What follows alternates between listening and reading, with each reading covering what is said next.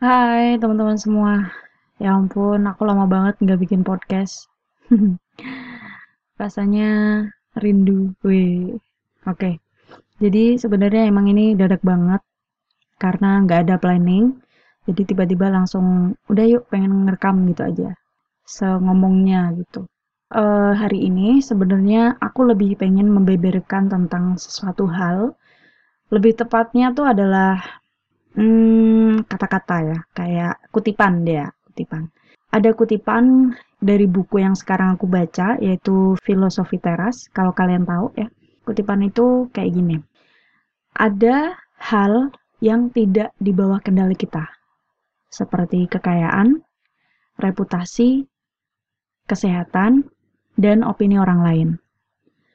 Dan hal yang di bawah kendali kita adalah pikiran, persepsi, dan tindakan kita.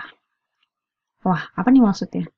Ada hal-hal yang tidak di bawah kendali kita, guys. Kalau masalah kesehatan sih mungkin kalian ngerti ya. Maksudnya ya sebenarnya sehat itu memang bisa diusahakan, ya kan? Kayak kita jaga pola makan gitu.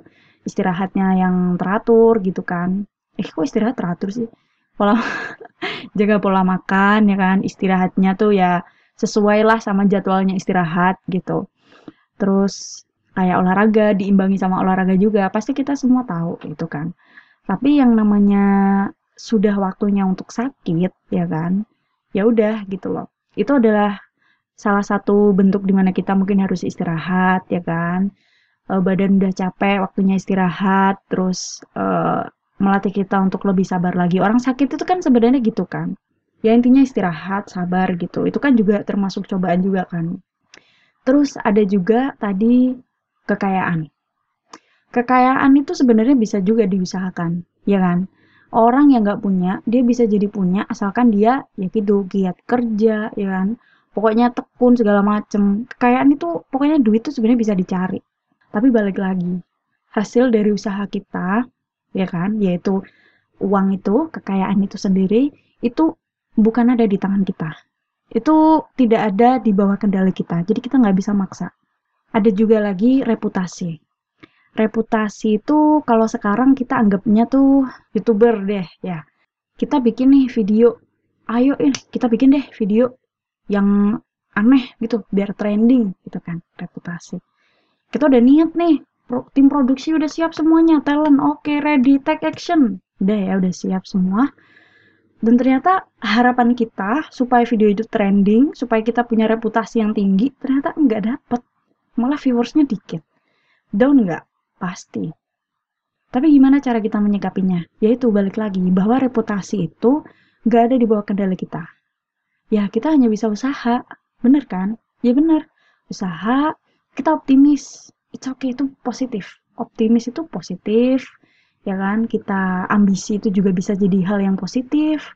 Tapi balik lagi kalau kita emang nggak bisa me, apa kasarannya kayak mindset pikiran kita ya jatuhnya bisa negatif gitu loh. Kasihan diri kita yang udah capek pikiran capek tenaga. Ternyata harapan kita itu nggak sesuai sama ekspektasi dan jatuhnya kecewa. Terus yang paling penting itu sebenarnya apa sih? Opini orang lain. Opini orang lain itu kayaknya akan kita temui di setiap hari. Jadi kasarannya gini, ketika kita sedang hmm, ngobrol deh atau diskusi sama teman kita atau sama rekan kerja deh, ternyata dia berpendapat tidak sesuai dengan apa yang ada di pikiran kita.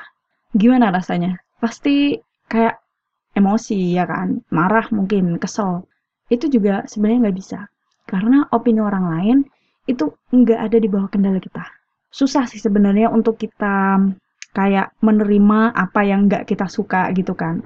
Tapi balik lagi yang namanya manusia itu kan pasti punya ego. Itu pasti.